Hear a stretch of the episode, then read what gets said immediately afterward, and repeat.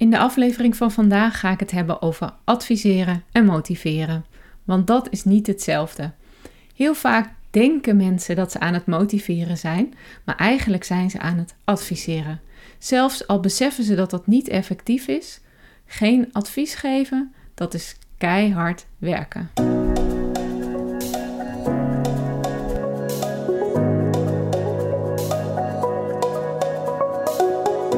Dat je luistert naar Positief Motiveren, de podcast voor zorgprofessionals die nieuwsgierig zijn hoe motiveren leuker en makkelijker kan.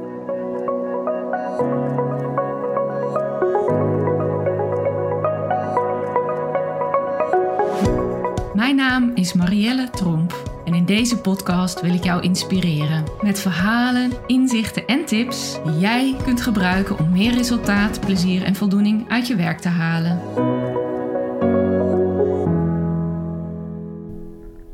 In oktober en nu in november, het moment dat ik deze podcast opneem, is het echt het seizoen van trainingen en workshops. Soms geef ik er zelfs twee op een dag en in sommige periodes ontstaat er dan een soort thema.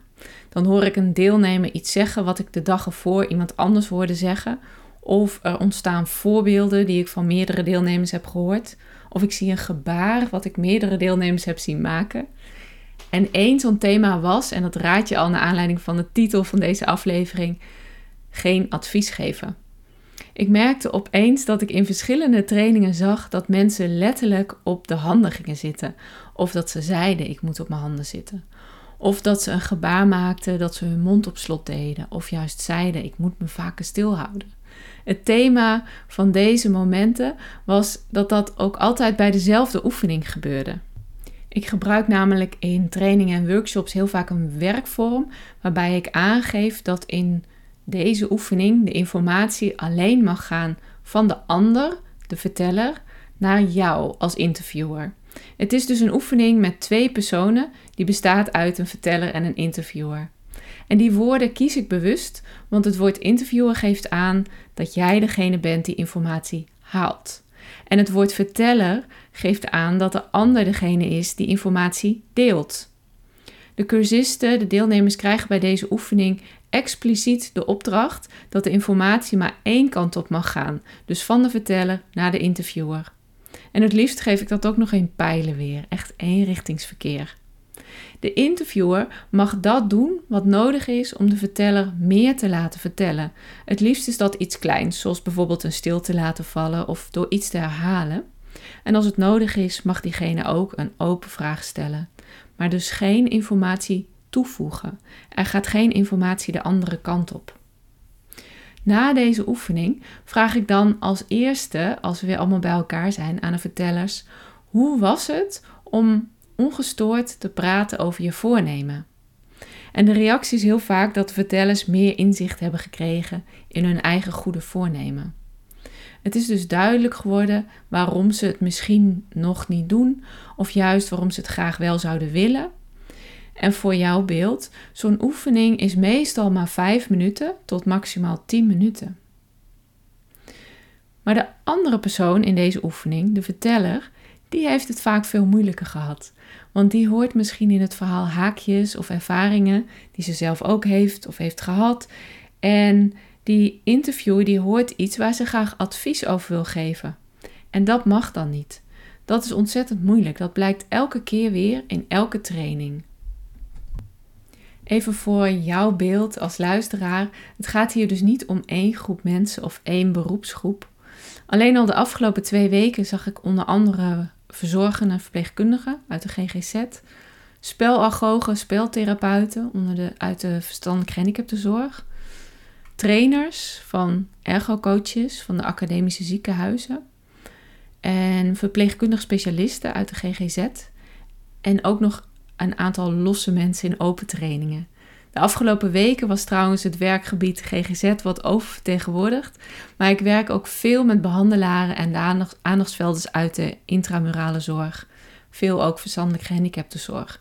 En ik zie en ik weet, overal speelt hetzelfde. Wat er namelijk in al die groepen heel vaak gebeurt, is dat er toch wel een advies doorheen sijpelt. En dat zie ik op ongeveer drie manieren gebeuren. En ik neem even als voorbeeld dat de verteller misschien iemand is die regelmatig wil gaan wandelen of sporten. Dat is trouwens ook zo'n thema van de afgelopen weken. Maar even op die drie manieren. De eerste manier, um, wat ik de wat ik de interviewer zie doen, is dat, ze zich, dat die interviewer heel bewust is dat ze geen advies mag geven. En dat er dan toch een advies verpakt in een vraag komt.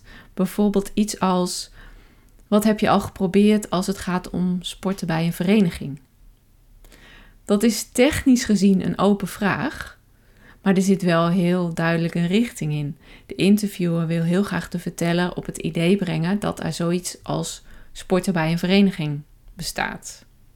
Dus dit is hem meestal ook wel weer makkelijk uit te halen. En als we daarop terugkomen na de oefening, dan herkennen mensen dat ook van zichzelf. Maar de tweede manier is wat moeilijker zichtbaar. Dan wordt er soms een prachtige en zeer correcte open vraag gesteld, waar je misschien niet meteen een richting in kunt ontdekken. En dat gebeurde deze week trouwens nog. Ik sloot aan bij een oefening en ik hoorde dat de interviewer technisch echt heel goede vragen stelde. Mooie, open vragen. Het was dus niet zo dat echt een ja of een nee geantwoord kon worden. En het was ook niet zo dat er aan de oppervlakte al een advies hoorbaar was. Deze vragen werden gewoon heel goed gesteld.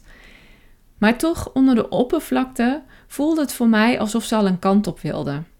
Op de een of andere manier straalde ze uit dat ze al iets wilde voor de verteller.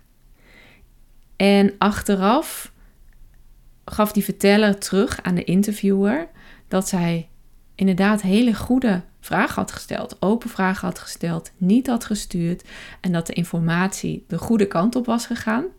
Maar die verteller, toen ze daarover dat aangaf, was ze ook een beetje aarzelend.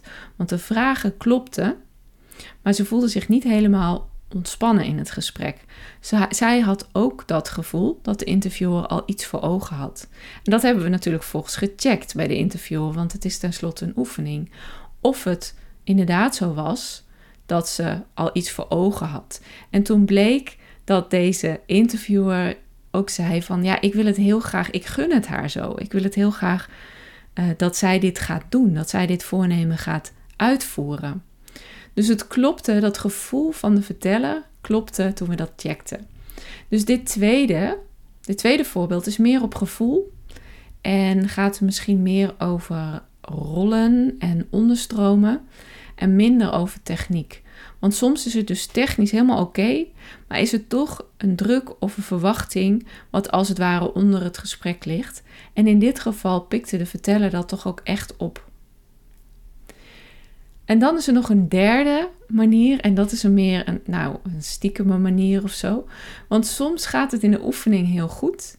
Mensen zitten op hun handen, houden hun mond dicht voor het geven van adviezen. En vervolgens is het dan koffiepauze. En dan willen ze toch even kwijt, dat advies.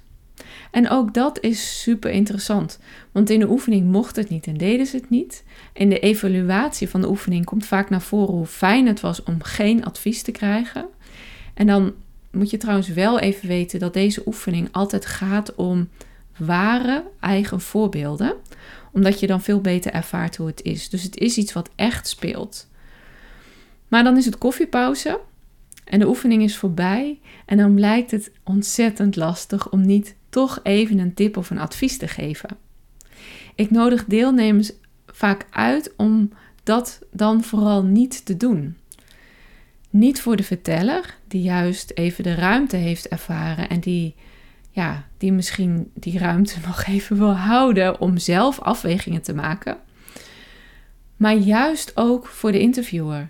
Want het is echt goed om even te voelen hoe lastig het is om niks te zeggen en om te beseffen dat je juist door niets te doen de ander het meeste helpt. In alle gevallen ontbreekt het trouwens niet aan positieve intenties. Dat geven van adviezen komt voort uit dat je het beste voor een ander wilt. En advies geven lijkt dan in onze natuur te zitten. Niet omdat we bijvoorbeeld onszelf graag willen horen praten, of omdat we denken dat wij het per se het beste weten, maar omdat we oprecht de ander graag willen helpen. We willen helpen, we willen iets doen en dus geven we een advies. En naast dat we dat voor de ander willen doen, doet het ook iets met onszelf. Het geeft ons namelijk het gevoel dat we als het ware een vinkje kunnen zetten. dat we iets hebben afgerond. Iets als hier heb ik mijn bijdrage geleverd. Terwijl als je naar het proces van de ander zou kijken, betekent het misschien wel dat niets doen veel effectiever is. Alleen dat is voor jezelf zo moeilijk, omdat je het dan mentaal niet kunt afvinken.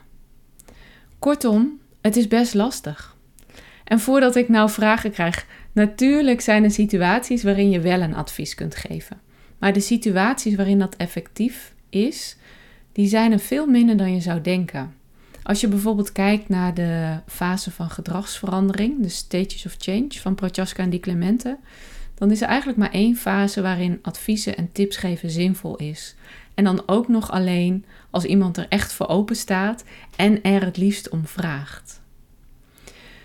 Waar deze aflevering in samenvatting om gaat, veel mensen verwarren motiveren en adviseren. Als zij iemand willen motiveren, dan geven ze veel tips en adviezen, maar dit werkt in veel gevallen tegengesteld. Alleen het is dus niet zo makkelijk om geen adviezen te geven. Bijna alle deelnemers in trainingen zeggen hetzelfde. Geen advies geven is keihard werken. Tot slot nog even dit. Ik vind het bijzonder dat je luisterde en dat ik even met je mee mocht vandaag. Dank je wel.